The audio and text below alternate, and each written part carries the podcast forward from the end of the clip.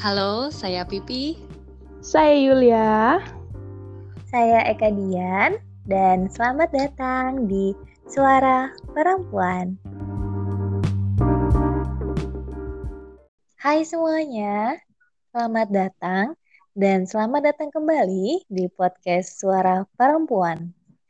Akhirnya, setelah sekian lama, setelah ber bulan lamanya suara perempuan tidak menyuarakan suaranya di podcast ini, akhirnya kami kembali dengan formasi yang sama. Kalian apa kabar? Semoga senantiasa sehat dan baik dan tetap menjalankan protokol kesehatan ya di tengah pandemi yang semakin menggila ini. Kalau Yulia dan Pipi, hai, kalian gimana kabarnya? Hai, Alhamdulillah baik. Pipi apa kabar? Dian apa kabar? Alhamdulillah. Alhamdulillah, baik juga. Kita nih udah kayak anniversary nggak sih? Udah setahun podcast Suara Perempuan ini ada dan mengudara. Mengudara. Iya. Dari yang kita awal buat podcast itu kan awal pandemi nggak sih? Awal pandemi. Iya, Mei. Maret apa Mei sih? Mei ya? Ya sekitar bulan itu. Sekarang masih hmm. pandemi dari dari pipi single, pipi nikah, nyampe pipi sekarang hmm. lagi lagi hamil, saudara-saudara. Kayak yang sedang berbadan dua. Saksi bisu perkembangan kamu gak sih, Neng? Ini suara perempuan bener-bener ngikutin perkembangan kamu dari single, terus nikah, terus punya anak, eh terus hamil, terus nanti punya anak. Mm gitu banget nih. Podcast suara perempuan dari perjalanan hidup ibaratnya dari awal. Single hidup. sampai berubah status. Sampai akhirnya yay sebentar lagi having a baby. Yay dan itu tuh kerekam semua gak sih? Karena fase-fase hidup kamu tuh kita bikin episode gak sih? Kayak kapan nikah terus patah hati juga ada. Dan sekarang bahkan kehamilan kamu tuh ada episode tersendiri loh. Gila. Yes. suara perempuan ini. Emang feelnya suara perempuan tuh adalah kehidupan pipi. Oh bener banget. Kita hanya boneka-boneka yang memberikan panggung kepada pipi. Cerita dong. cerita dong gimana rasanya hamil rasanya hamil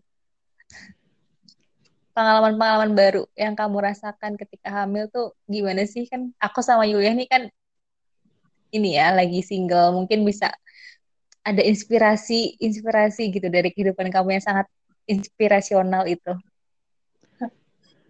Jujur sempat kaget ya. Tahu pas aku tuh hamil kayak yang wah dikasih secepat ini gitu kan. Dan nggak ada persiapan persiapan dalam arti kata kayak apa ya ya kayak program hamil gitu kayak yang di beberapa pasangan lakukan gitu ya. Sempat konsultasi segala macam persiapan apa sih. Bener-bener kalau aku sama pasanganku ya udah jalan bener-bener let it flow aja gitu. Hmm, gitu ya. Iya jadi gimana ya apalagi di tengah pandemi kayak gini insecure gitu loh insecure. Bisa nggak ya survive di saat situasi yang kayak gini gitu kan? Jadi aku kayak belum siap gitu loh jujur. Sampai aku telepon Yulia juga sampai beberapa orang lah ibarat. Aku tuh takut Yul gini-gini gitu-gitu terus getting frustrated gitu loh. Persiapan apa dia satu bulan ini nutrisinya terpenuhi aja aku kayak frustasi gitu kayak hmm. kayak ya ya jadi kayak lebih banyak apa ya baca-baca referensi terus lebih sering tukar informasi sama kakak-kakak yang udah pengalaman lebih apa ya lebih aware lah sama diri sendiri. Kamu sama pasangan nggak sih tentang keputusan punya anak dan gimana gimananya tuh? Awal-awal nikah tuh ping kayak ah pengen pacaran dulu gitu loh, pengen ke Jogja, pengen lalalini ibaratnya having fun berdua gitu loh. Cuman dari Hmm. pasangan sendiri kan menyarankan untuk ibaratnya ya kita tetap maksudnya berjalan satu tanpa harus melakukan sesuatu yang maksudnya yang dalam bentuk penundaan gitu loh. Ngerti nggak sih maksudnya? Hmm. Iya, Ya, paham, iya.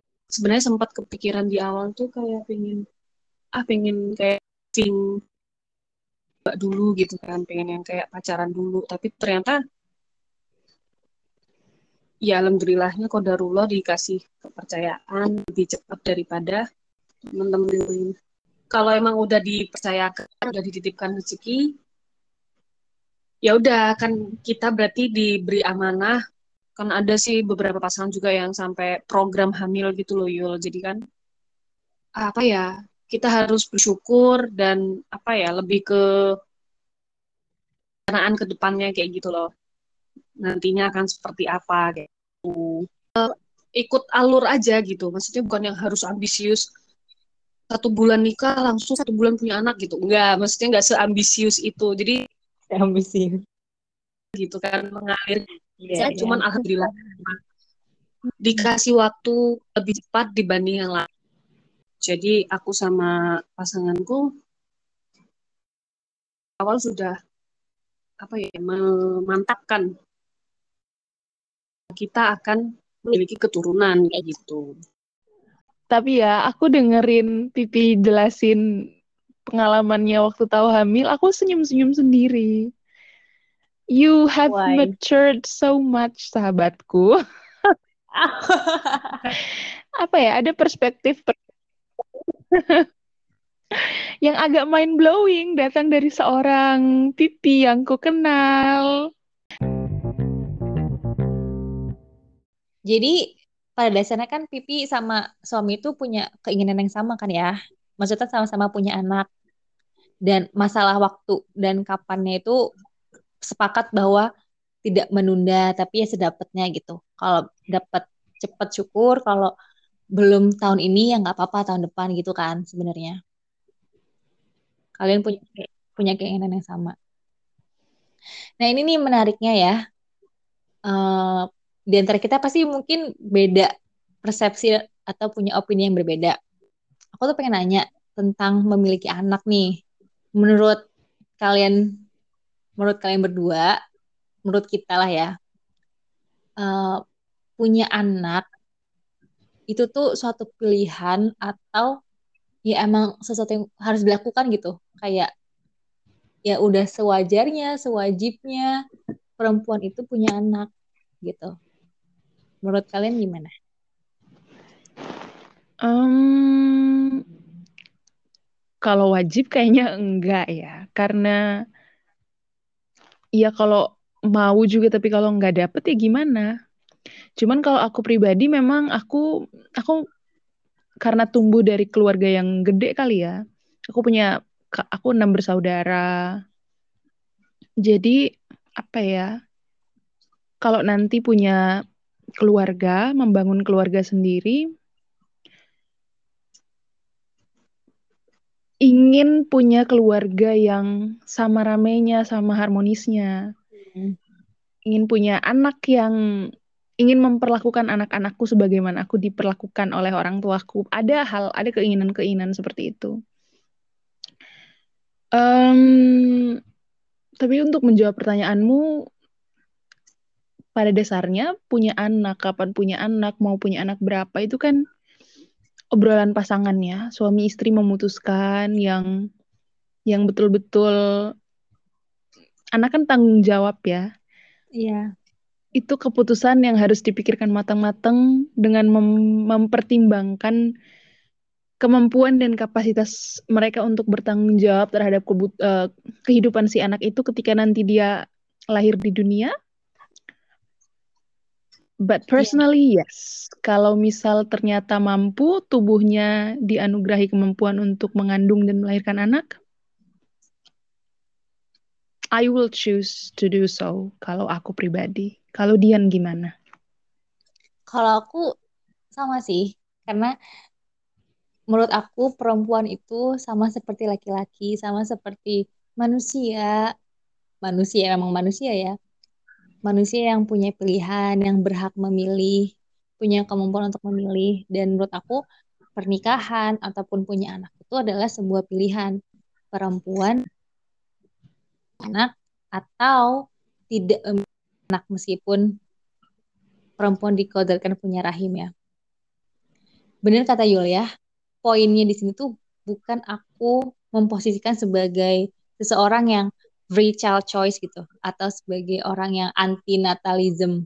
Tapi yang ingin aku tekankan adalah baik ketika kita memilih untuk punya anak atau tidak punya anak, sebaiknya keputusan tersebut itu diambil secara sadar. Benar kata dulu ya, ada uh, persiapan, ada perencanaan karena apa ya?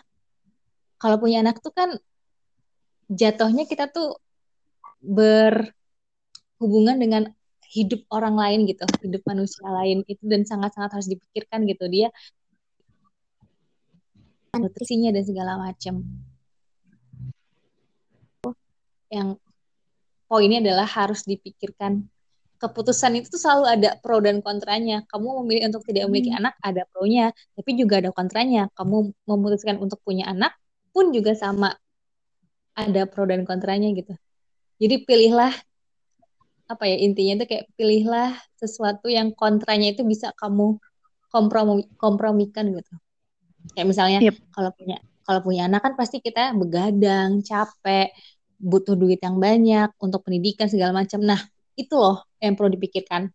Udah sanggup belum? Udah siap belum?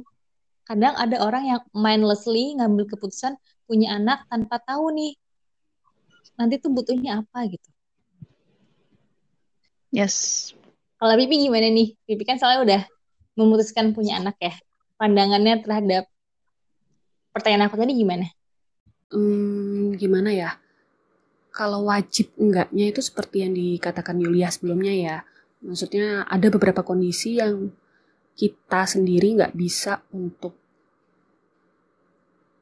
mengharuskan atau mengiyakan gitu loh. Jadi kan kalau ada pasangan, beberapa pasangan yang kayak tidak, ya maaf, yang ngomong mestinya tidak diberi keturunan, itu kan ya mau gimana itu karena sudah keadaan gitu loh. Lain halnya kalau misal kondisi dari kedua pasangan tersebut sama-sama sehat, sama-sama mampu, tapi tidak mau, nah itu kan udah berbeda gitu loh. Karena in case dia berarti memilih untuk tidak mau memiliki keturunan. Dan kalau dari aku sendiri sih, itu hak ya, hak untuk setiap orang punya pendapat berbeda dari yang biasanya gitu loh. Kan kalau masyarakat umum pada umumnya ya pasti memilih untuk memiliki keturunan, tapi tidak menutup kemungkinan untuk beberapa golongan orang yang mungkin punya pemikiran sendiri ya untuk ah kita kayaknya nggak perlu punya keturunan nah itu ya it's okay menurutku kita cukup menghargai perbedaan pendapat itu tanpa kita juga menjustifikasi bahwa yang kita yakini itu benar gitu loh terlepas dari itu ya. Eh tapi ini loh aku kemarin abis searching-searching gitu ya ternyata ada sebuah komunitas gitu di Facebook tentang orang-orang yang memilih untuk tidak punya anak. Tetapi kenapa mereka tidak maksudnya tidak tidak famous lah ya tidak dikenal banyak masyarakat? Karena pasti society itu judgmental ke mereka kayak kenapa sih nggak oh. mau punya oh. anak kayak melawan kehendak Tuhan atau sebagai seseorang yang itulah ya apa sih kayak orang-orang yang aneh orang-orang yang tidak mengikuti norma-norma yang seharusnya gitu jadi mereka kayak tersisihkan gitu nggak bisa nggak bisa mengumumkan bahwa saya memilih tidak punya anak karena ini dan ini gitu dan ketika aku baca mereka punya alasan yang istilahnya menurut mereka tuh cukup solid untuk tidak punya anak. Contohnya, aku pernah baca mereka tidak mau punya anak karena takut, karena tidak mau, bukan takut tidak mau, istilahnya kayak tanda kutip mewariskan penyakit genetis atau mereka tidak sanggup karena sedang mengalami masalah uh, mental issue atau kesehatan mental. Jadi takut anaknya tuh ini kena dampak dari hal tersebut. Itu ternyata tuh ada.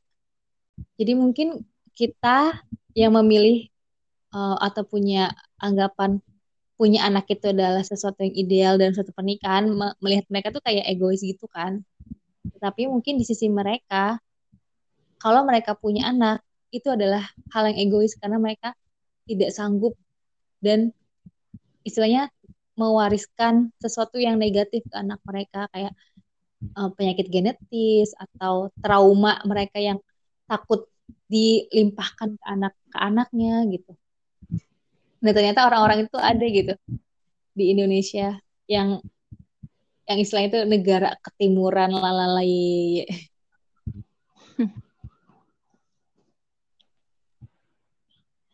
um, apa ya? Kalau aku merasa dengan alasan-alasan seperti itu sangat sangat sangat acceptable sih.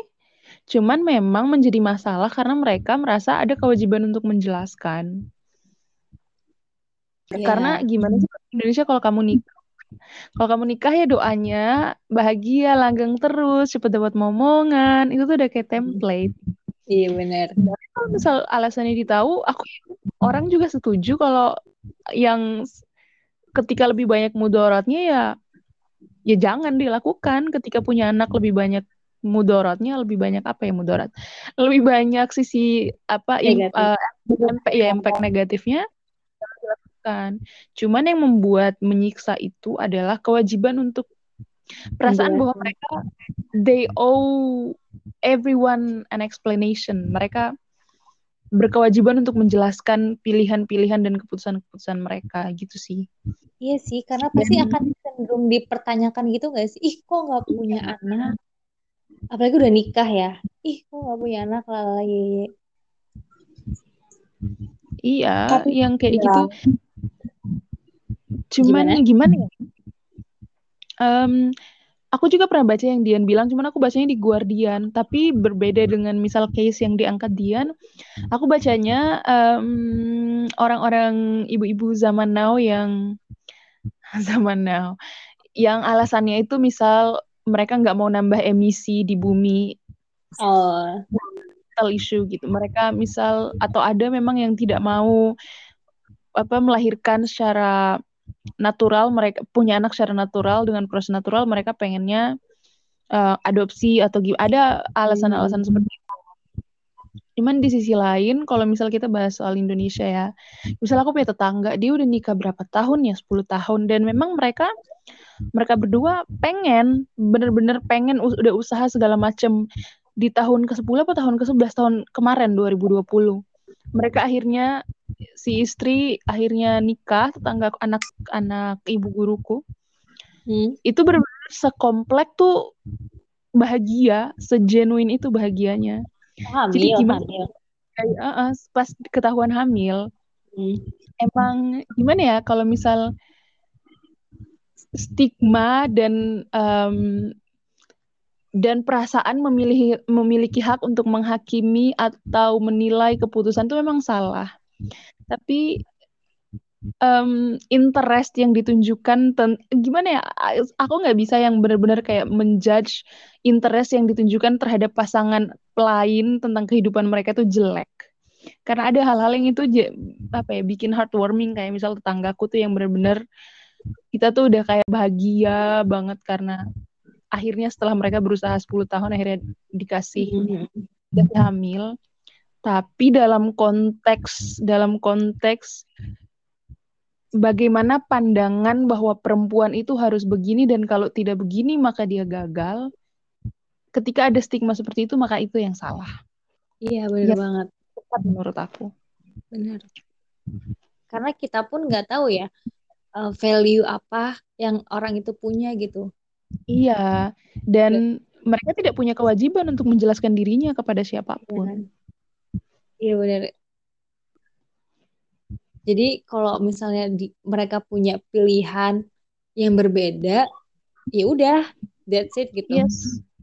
Bukan berarti mereka mereka salah, mungkin malah kita yang salah di mata mereka dan it's okay selagi kita menghargai satu sama lain karena apa ya ya itu benar menjadi salah ketika kita menabrakkan value kita ke hidup orang lain gitu Mm-mm. bahkan yang misalnya milih untuk tidak punya anak terus menganggap bahwa yang punya anak itu menghabiskan waktu dan biaya itu pun nggak perlu ya udahlah biarkan kita tuh dia. hidup dengan iya benar pilihan hidup masing-masing Yes. Mau nanggepin nggak Hmm, kalau nanggepin statement itu ya, menurutku nggak akan ada habisnya sih kalau kita itu mendengarkan apa ya stigma-stigma atau judgement dari masyarakat sekitar gitu loh. Karena mereka terkadang membentuk apa sih kayak pemikiran idealisme mereka gitu loh.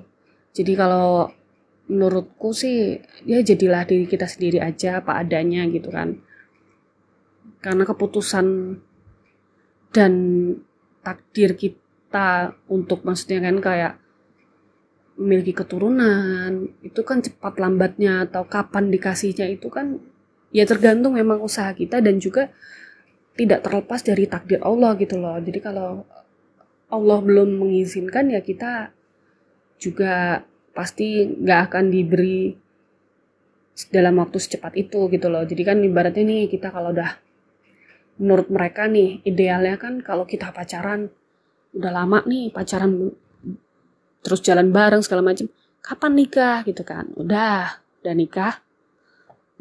Nggak lama dari nikah ditanyain kapan punya anak? Kayak gitu kan. Udah punya anak ditanyain kapan punya adik? Ibaratnya nggak akan ada habisnya seperti yang kayak aku bilang. Kalau kita ngikutin judgement masyarakat sekitar kayak gitu. Jadi ya tetap apa ya kalau dari kita sih bijak aja kalau menanggapi pertanyaan atau pernyataan orang-orang terkait dengan kehidupan kita gitu loh. Jadi menurutku mereka nggak ada hak buat mencampuri lah keputusan kita mencampuri kehidupan rumah tangga kita. Ya kita cukup bijak aja menjawabnya dengan yang santai tapi tidak tidak terbawa emosi atau juga tidak terpancing untuk menimbulkan keributan kayak gitu. Ya jawab aja mungkin ya kita masih berusaha atau ya mungkin belum waktunya. Intinya menurutku sih tetap tetap yakin sama diri kita sendiri dan apa ya lebih ke kayak bahagia itu adanya di kita gitu. Jadi kita sendiri yang menentukan bahagianya kita bukan orang lain atau society atau kita jadi apa ya kepikiran galau gitu. Udah let it flow aja ikutin arus ya tetap tawakal tetap berharap sama Allah yang terbaik. Terus menjalaninya sesuai dengan prinsip hidup kita kayak gitu.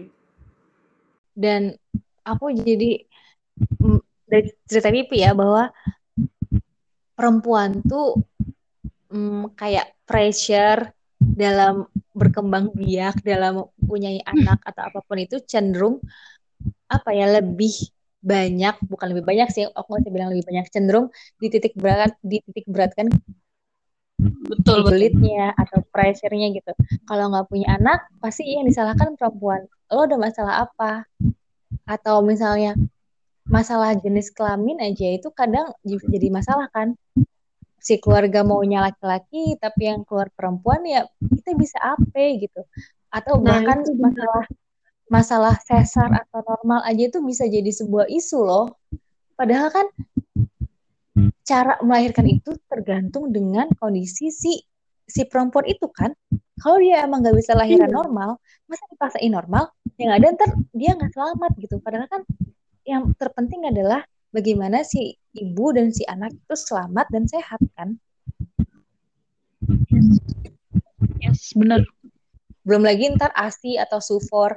Jadi banyak hal-hal yang idealnya begini, idealnya begitu yang padahal belum tentu ideal itu yang dibutuhkan. Ideal tuh yang ya itu ideal tuh yang dibutuhkan si ibu atau si perempuan itu jadi kenapa sih nggak dibiarkan aja kalau emang lahirannya milih sesar ya udah tuh duit-duit mereka atau nggak bisa asi bisanya support ya udah. Emang lo mau minjemin payudara lo atau gimana? Kan nggak mungkin juga. Um, iya sih. Pressure tuh selalu ada selalu. Soalnya banyak polisi yang me, yang mengawasi keputusan-keputusan yang diambil oleh keluarga terutama keluarga muda ya ketika mereka punya anak ketika mereka hamil ketika mereka punya anak tapi ngomong-ngomong soal pressure, emang bener ada hal-hal tertentu yang perempuan tuh karena dia yang ngandung kali ya, karena dia yang benar-benar kelihatan secara fisik mengandung, membawa menjadi media, medium datangnya anak ini ke dunia. Jadi ketika ada apa-apa yang berhubungan dengan anak itu, si ibu yang yang dicari duluan tuh si ibu. Yang di yang apa ya, seolah-olah punya tanggung jawab lebih tuh si ibu. Iya. Tapi kalau ngomong-ngomong soal pressure, aku kayak pernah ngobrol-ngobrol juga sama ada teman-teman yang yang sudah nikah, ada yang sudah punya anak. Ternyata pressure itu laki itu juga ada internal pressure-nya. Cuman mungkin tidak terlalu terdengar seperti perem, uh, kasusnya perempuan. Misal kalau lagi laki-laki lagi pada ngobrol-ngobrol gitu, misal dia udah nikah lama, tapi dia belum ada keturunan, itu macho pride-nya dia tuh diserang gitu loh, ternyata. Oh, iya iya. Cuman karena mereka kayak kom apa ya? Um, ya udah percakapan-percakapan itu hanya ada di komunitasnya mereka, di perkumpulannya mereka. Jadi memang gaungnya tidak seperti pressure yang diletakkan kepada perempuan. Mm -hmm. Tapi kalau apa yang tadi Dian jelak yang sebutin tentang pressure-pressure yang dialami perempuan tuh, aku setuju banget. Dan dan seringnya datangnya itu dari sesama perempuan. iya, ya, bener, ya. bener banget. Datangnya itu dari, iya loh. Eh, uh, this one, ini ini sangat menarik untuk dibahas lebih lanjut. Women versus women. Kenapa begitu? Iya, aku nggak ngerti ya. Maksudnya, kalau aku aku tahu ini tuh nggak mudah, aku nggak nggak akan nggak cenderung nggak akan bilang lo harusnya nggak kayak gini ya lo harusnya kayak gitu. Karena aku pun merasakan gitu dan yang cenderung misalnya ngasih apa ya ngasih judge judgment tuh orang-orang yang mungkin sudah melahirkan juga orang-orang yang udah menyusui gitu. Dan kenapa kamu tahu melahirkan itu tidak mudah kamu tahu membesarkan anak itu tidak mudah kenapa tidak memberi support atas pilihan apa pun yang perempuan itu ambil gitu. Harusnya kan di situ ada empati ya tapi iya benar banget. itu kenapa, sangat menarik jadi kenapa topik. ada empati ya kan? Kayak yang kenapa harus dari sama perempuan sih yang sama-sama istilahnya merasakan uh, struggle-nya melahirkan struggle-nya menyusui gitu. Kenapa nggak saling support aja terlepas dari apa pun pilihan yang diambil betul betul betul. Bener oh, banget. yang, yang laki-laki itu yang bener sih. Kadang laki-laki itu juga punya masalah dan isunya sendiri tapi tidak apa ya tidak gaungnya tidak terdengar seperti perempuan karena mereka pun mungkin cenderung jarang membicarakan hal ini ya. Biasalah iya. stigma stigma laki-laki tidak boleh lemah segala macam. Mm-hmm. benar. Dan dan menurut aku ya pilihan punya anak atau tidak itu bukan hanya yang dimiliki perempuan sih sebagai seseorang yang punya rahim. Tapi laki-laki pun bisa memilih itu gitu. Karena kan proses untuk berkembang biak itu kan perlu ada laki-laki dan perempuan ya. Iya. Makanya pada akhirnya keputusan ah, berdua ah, dan aku berpikir obrolan tentang anak itu tuh penting dilakukan sebelum menikah gitu kayak kapan mau punya anak, apakah mau punya anak atau tidak, berapa jumlah anak yang diinginkan gitu. Karena kalau misalnya kita menikah dan ternyata pasangan kita itu misalnya tidak mau punya anak, itu kan bakal jadi suatu permasalahan yang cukup besar ya, big class banget gitu loh. Kalau Bibi pernah gak sih ngomongin ini sama Mas Dian sebelum menikah tentang punya anak atau mau punya anak berapa gitu? Hmm, kalau dari aku sih ya namanya obrolan-obrolan pranikah gitu ada lah pastinya ya. Tapi ya nggak nggak detail. Kalau aku lebih ke kayak iya nanti setelah menikah kita pasti ada rencana mau punya anak kan kayak gitu. Paling mau punya anak berapa ya kayak bercanda obrolan-obrolan bercanda gitulah dua atau tiga kayak gitu laki-laki perempuan ya itu kalau itu udah kodarullah ya sedikasihnya sama Allah itu gimana kayak gitu. Tapi kalau dari aku sendiri sih ya ada harapan gitu kayak ya idealnya tuh kalau anak pertama cowok ya terus nanti kedua cewek. Cuman ya kayak gitu lagi-lagi kembali lagi ke kodarullah ibaratnya apa pun yang diberikan oleh Allah itu udah takdir dan itu pasti yang terbaik gitu. Apa pun jenis kelaminnya menurutku asal sehat apa namanya bisa lahir normal segala macamnya segala sesuatunya baik insya Allah lah. Itu hal yang benar-benar kita nantikan dan kita impikan kayak gitu loh. Tapi udah sama-sama tahu ya bahwa, hmm. bahwa suami dan kamu tuh emang punya anak. Untuk ke depannya tuh fleksibel aja ya. Kayak kapan ya dan nggak terlalu ngepus yang gimana-gimana sih natural aja gitu berjalan waktu kita nggak usah expect too much tapi ya tetap usaha, usaha gitu Oh gitu ya Pi. Kalau Pipi kan sekarang udah tinggal menanti nih, insya Allah beberapa bulan lagi yang ditunggu-tunggu hadir di dunia. Kalau aku sama hmm. Dian kan masih masih di posisi yang um, harus memikirkan itu karena kita masih belum nikah. Kalau Dian kepikiran gak sih suka mikir gak sih tentang gambaran nanti punya anak gimana atau perasaannya membayangkan akan jadi orang tua gimana yang gitu-gitu dipikirin gak Yan? Kalau aku sih anaknya tuh harus well planning gitu sih Yul.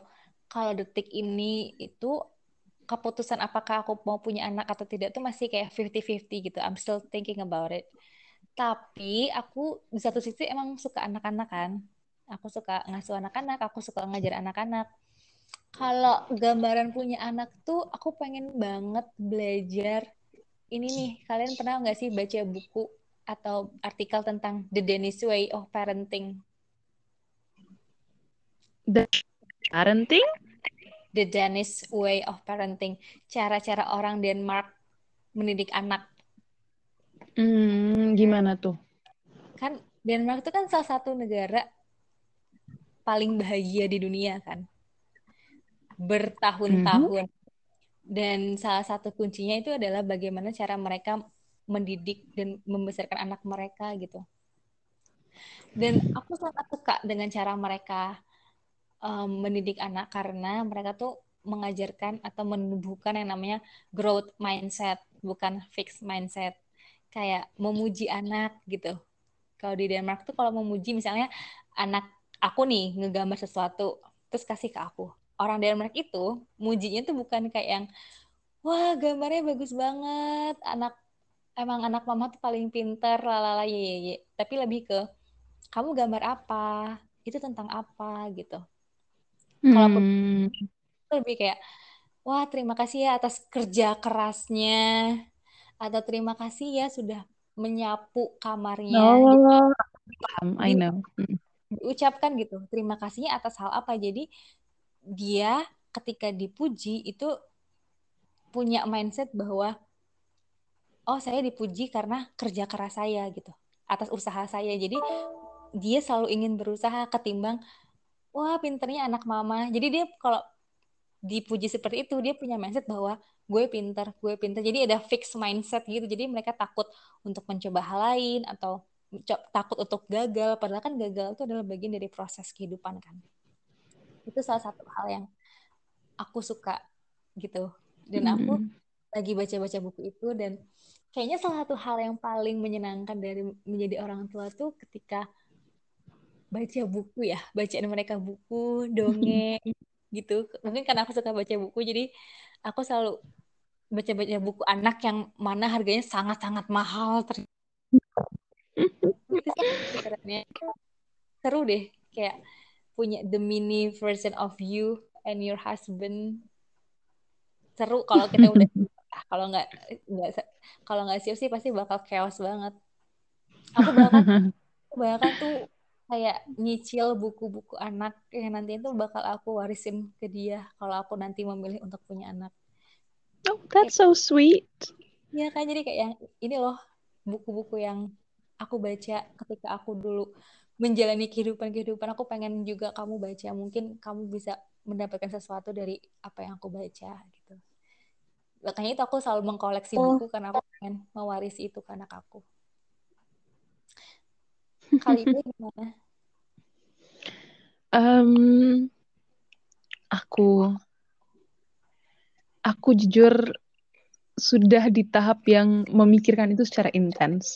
Tapi benar-benar kayak, tapi belum ngerti nggak sih kayak mungkin karena belum sampai di titik menjalani kali ya. Jadi keputusannya tuh ganti-ganti terus. iya iya Tapi memang ada saat-saat di mana aku pernah nonton Captain Fantastic itu salah satu movie film favorit aku Mm-mm. sama Into the Wild ya Christopher I McCandless. know, well, I know, I know. Yeah. Iya, dan ketika nonton itu, wow, being a parent is scary. Menjadi orang tua tuh sangat-sangat apa ya, bahkan kayak aku pernah ya ngobrol-ngobrol sama orang tuaku waktu kemarin pulang. Ada misal momen liburan ya, atau momen pi, misal momen kita ngelakuin ini. Ternyata the way I remember things itu beda dengan the way my parents remember things. Iya, iya, iya. Beda lagi the way my abang remember that, the way my adek remember that. Jadi kayak hmm, ketika tersadar tentang itu, tersadar bahwa gila ya, emang maksudnya caranya kita mengingat sesuatu aja bisa beda, caranya kita menerima sesuatu aja bisa beda. Kayak usaha the continuous effort untuk bertemu di tengah apalagi antara orang tua dan anak itu kadang-kadang scary. Dan aku selalu, aku pernah akhir-akhir ini ketika semakin bertumbuh dewasa, semakin memahami hal-hal yang pengorbanan-pengorbanan yang orang tua aku lakukan, effort-effort yang mereka lakukan yang mungkin, em, yang mungkin tidak tidak apa ya, kita nggak mem memvalue itu sebagaimana value-nya, kita tidak terlalu menghargai itu sebagaimana seharusnya itu dihargai. Aku jadi kayak wah gila ya emang jadi orang tua tuh nggak main-main. Iya. jadi orang tua tuh kerjaan paling sulit di dunia. Jadi Iya. keluarga tuh. Iya. dan ketika kalau udah mikirin itu aku bisa sampai kayak merinding sebadan gitu loh Iya bener banget, same, same. Karena apalagi tanggung jawabnya sangat panjang gitu. wah ketika aku misal mikirin misal orang tuaku bapakku yang apa ya banyak mengorbankan karirnya untuk keluarga kayak yang gitu-gitu tuh I'm not conf apa mungkin karena aku belum sampai di titik itu ya Iya, I'm not iya, iya. confident do- I will do the same. Tapi sama seperti yang Dian cerita. Ketika misal aku nemu nemu buku Yan, baca buku tentang parenting, baca buku tentang gimana harus melakukan ini. Aku excited. Aku pengen, Iya. oh tunggu aja. Bener. Kamu manusia kecil yang akan kubawa di dunia ini akan kupastikan hidupmu indah. Aku tuh kayak punya ambisi kayak gitu. Ya, maksudnya takut, tapi di satu sisi tuh mencari tahu bahwa gimana ya me- mengurai ketakutan ini agar aku bisa mengatasinya gitu. Baca buku parenting, terus baca Iya. video-video tentang parenting gitu. Even aku misal kalau lihat gambar-gambar cantik ya, misal kayak buku-buku, aku misal kalau lagi di rumah nyiram bunga gitu ya, uh akan kupastikan kamu hidup biar nanti kalau aku punya keturunan aku bisa, oh ini punya nenek, dulu mama nyiramin ini, ini kayak ha- kalau ng- ngelihat hal yang yang indah-indah tuh mikirannya udah gitu. Kayak Tapi I will make sure these beautiful things apa ya ke this luxury of experiencing beautiful things doesn't stop at me. iya iya. it will continue to my my offspring. Kayak udah jadi ya gitu kayak. Tapi ya lagi-lagi hal-hal kayak nikah hal-hal kayak punya anak tuh hamil punya anak kita you will know when you're at at that point. Kayak ya udah. Iya nggak sih? Bener banget, bener banget. Dan penting banget apa ya? punya pasangan yang juga saling support gitu. Karena punya anak hamil tuh nggak bisa kita kerjakan sendiri gitu tanggung jawabnya atau perannya. Karena iya namanya juga orang tua ya. Anak tuh butuhlah uh, figur seorang ayah figur seorang ibu. Dan dalam rumah tangga kan kita bakal capek kalau sendirian gitu.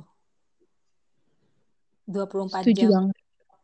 karena aku abis baca buku ya kayak yang ka- kadang kalau jadi ibu itu kadang kita lupa jat- jati diri kita misalnya aku sebagai ibu aku lupa diri aku sebagai Eka Dian bukan si maminya Carla ya misalnya si ibu ibu apa suami aku namanya ibu Aku sa someone lah Hmm. gitu ibu nama suami aku aku ada cerita Yan. Kamu nyebutin itu aku tinggal ingat. Aku jadi ingat. apa Jadi satu momen yang bikin aku nangis. Jadi aku mamaku cerita. Mamaku cerita tentang kejadian yang dialami beliau. Jadi ada ibu-ibu PKK, mereka mamaku kan ada ada baju itu, tapi dia nggak bisa hadir. Jadi ada salah satu tetangga orang komplek yang butuh baju itu. Dia nanyalah ke ketua ke ibu ketuanya gitu. Oh, kamu pinjam aja itu nyebut nama mamaku lah. Si tetanggaku itu bingung, dia nggak tahu itu siapa, padahal tetangganya. Dia selama ini mengenalnya cuma sebagai ibunya siapa gitu loh, mamanya siapa. Dan itu mamanya membuat dia sangat sedih. Hmm. Dan aku merasa mungkin itu yang bikin diri aku sekarang tuh belum siap untuk punya anak itu karena aku belum mau mengorbankan hal-hal yang mungkin apa ya along the way itu mungkin perlu pengorbanan gitu kayak mimpi. Pasti kita mobilitas tuh nggak akan sebebas dulu kan kalau punya anak. Oke lah kalau punya suami tuh suami tuh kita tinggal ya masih bisa hidup dia. Tapi anak masih kecil itu gimana? Mengutip kata mamaku, ada kebahagiaan yang tidak terkira kata beliau dari menikmati pengorbanan-pengorbanan itu. Iya, iya. Dan mungkin kita nggak bisa relate karena kita belum ada di posisi itu, melahirkan Iya. anak gitu. Kalau Pipi gimana tanggapannya? Pi, aku mau nanya dong, kamu udah pernah Iya, ngerasain bayimu nendang belum? Oh bener. Kamu udah pernah ngerasain bayimu nendang? Oh, sudah sering. Rasanya waktu pertama kali kamu ngerasain? Eh aku lebih ke ini apa namanya? Ini gerakannya normal nggak ya? Kayak gitu. Ini kira-kira dia nyundul aku pakai Aku gitu, berharapnya ya. gimana yuk? Aku berharapnya jawabmu mengharukan, ternyata genrenya komedi. Aku tuh berusaha berusaha untuk merasuk menjadi ibu yang sangat melo dan romantis, tapi sebenarnya susah. Tetap buat tetap masih bercanda. Kadang orang kalau geli-geli, ih perutnya gede dipegang-pegang. Iya namanya tubuh berkembang mau gimana gitu. Maksudnya kadang aku suka ini bingung kalau orang respon yang gemes-gemes gitu. Padahal kan aku orangnya bercanda gitu loh. Jadi, jadi aku kalau dipegang malah muka aku kaku dan tegang. Bercanda. bridging ke Adiknya udah mulai nendang-nendang belum ya? Ya aku pingin megang deh kalau pas lagi nendang. Aduh.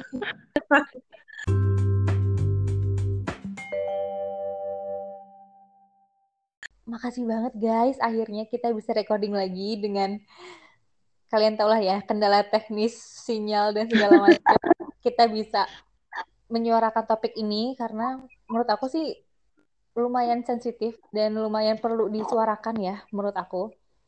Salah satu episode kita yang tentang hak seksual dan reproduksi itu kan banyak juga ya didengar salah satu episode terbanyak yang didengar di podcast kita.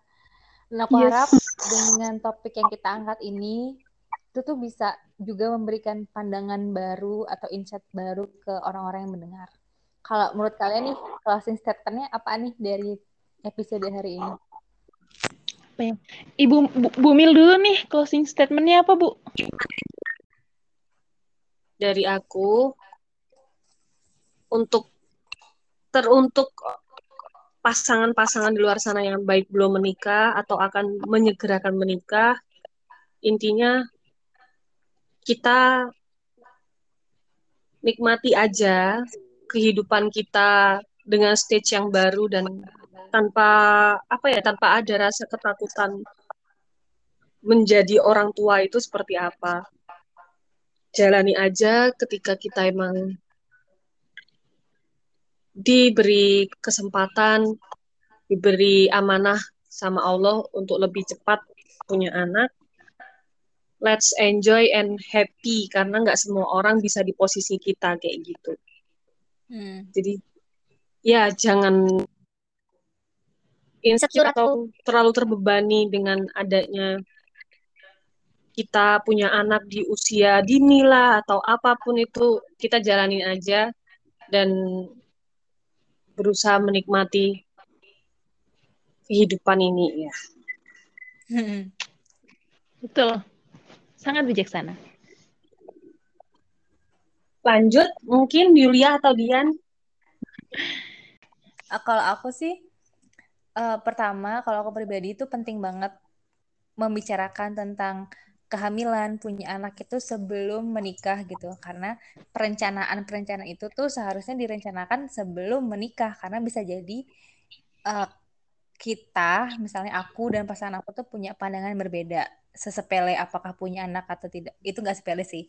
Semisal seperti punya anak atau tidak, apakah suami kamu tuh anti vaksin atau tidak, itu kan sangat-sangat penting ya guys.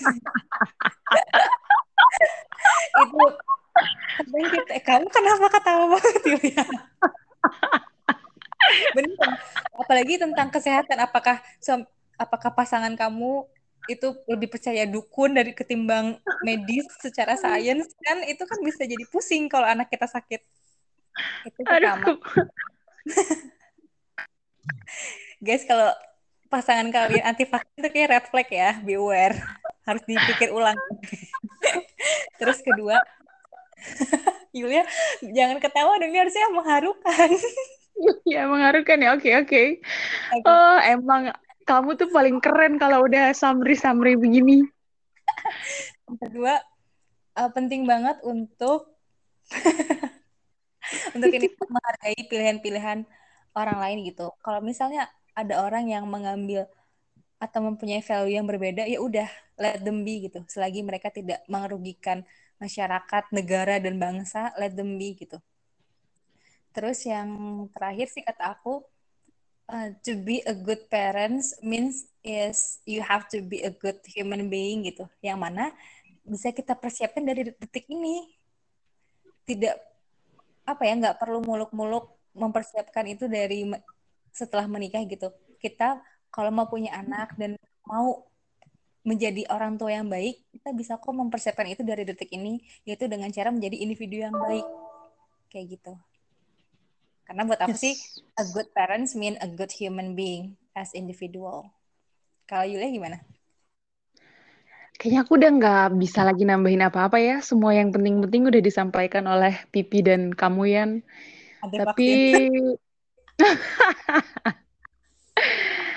apa ya? Setuju sih, setuju banget sama yang udah disampaikan Pipi, yang udah kamu sampaikan ketika pasangan memutuskan untuk sudah apa ya? Sudah punya komitmen untuk melanjutkan ke jenjang pernikahan, dan akan akan ada perbincangan tentang anak keturunan. Harusnya percakapan tentang itu sudah dilakukan sebelum menikah, seperti Hmm. yang Dian sampaikan. Tentang menghargai, saling menghargai value juga aku sangat setuju dengan yang Dian sampaikan. Em, kita harus saling apa ya, menghargai pilihan-pilihan Mm-mm. yang diambil selama itu tidak melanggar norma hukum dan nilai-nilai susila. Iya. Kemudian mungkin yang pengen aku sampaikan adalah ini. Kita tuh kadang apa ya, personally ke kita masing-masing, diri kita masing-masing, kadang pressure itu ada karena kita terjebak dalam mindset bahwa hidup itu satu tambah satu sama dengan dua. Hmm. Artinya apa ya? Ruang model yang sangat kaku gitu loh. Iya. Kadang kita terjebak dengan itu. Jadi ketika em, miring dikit, ketika beda dikit, udah kita udah udah udah nggak nggak ideal lagi. Iya. Yang pengen aku bilang, hidup itu bukan model yang kaku, hidup itu sangat fleksibel. Jangan don't put pressure on yourself terhadap hal-hal yang di luar kuasamu. Lakukan yang terbaik untuk mengontrol hal-hal yang bisa kamu kontrol. Khususnya dalam hal topik kita hari ini tentang menikah. Banget. Di luar itu serahkan pada apa yang kita percaya sebagai Sang Maha Perencana. Hmm. Just live life. Hidup itu indah. Ketika kita memahami bahwa hidup itu harus dinikmati dan hidup itu bukan model yang kaku itu sih yang pengen aku sampaikan. Hmm. Wow. Seperti biasa ya obrolan ini sangat-sangat insightful. Thanks to Pipi. Terima kasih loh Pi. Proses atau tahap perkembangan kamu tuh selalu membuat kita punya obrolan-obrolan yang seru untuk diperbincangkan. Oke okay, guys, terima kasih atas waktunya dan atas oh god, thank god hari ini bisa lancar recordingnya. Semoga episode kali ini bisa memberi manfaat atau setidaknya pandangan-pandangan atau sudut pandang sudut pandang yang lain bagi yang mendengarkan. Mari saling menghargai, saling mendoakan yang terbaik bagi sesama, dan semoga kita juga saling sehat ya guys di masa pandemi yang sangat membangkangkan ini semakin menggila. Dan sampai jumpa di episode berikutnya. Sun, kita bakal upload sering ya sebelum Pipi melahirkan. Yes. Kejar tayang. Yes. oh ya kalau kalian kalau kalian punya ide atau saran silahkan DM ke Instagram podcast suara perempuan. Kita sangat-sangat terbuka atas saran dan saran dan ide-ide kalian. Sampai jumpa di episode berikutnya. Dadah. Bye. Bye bye.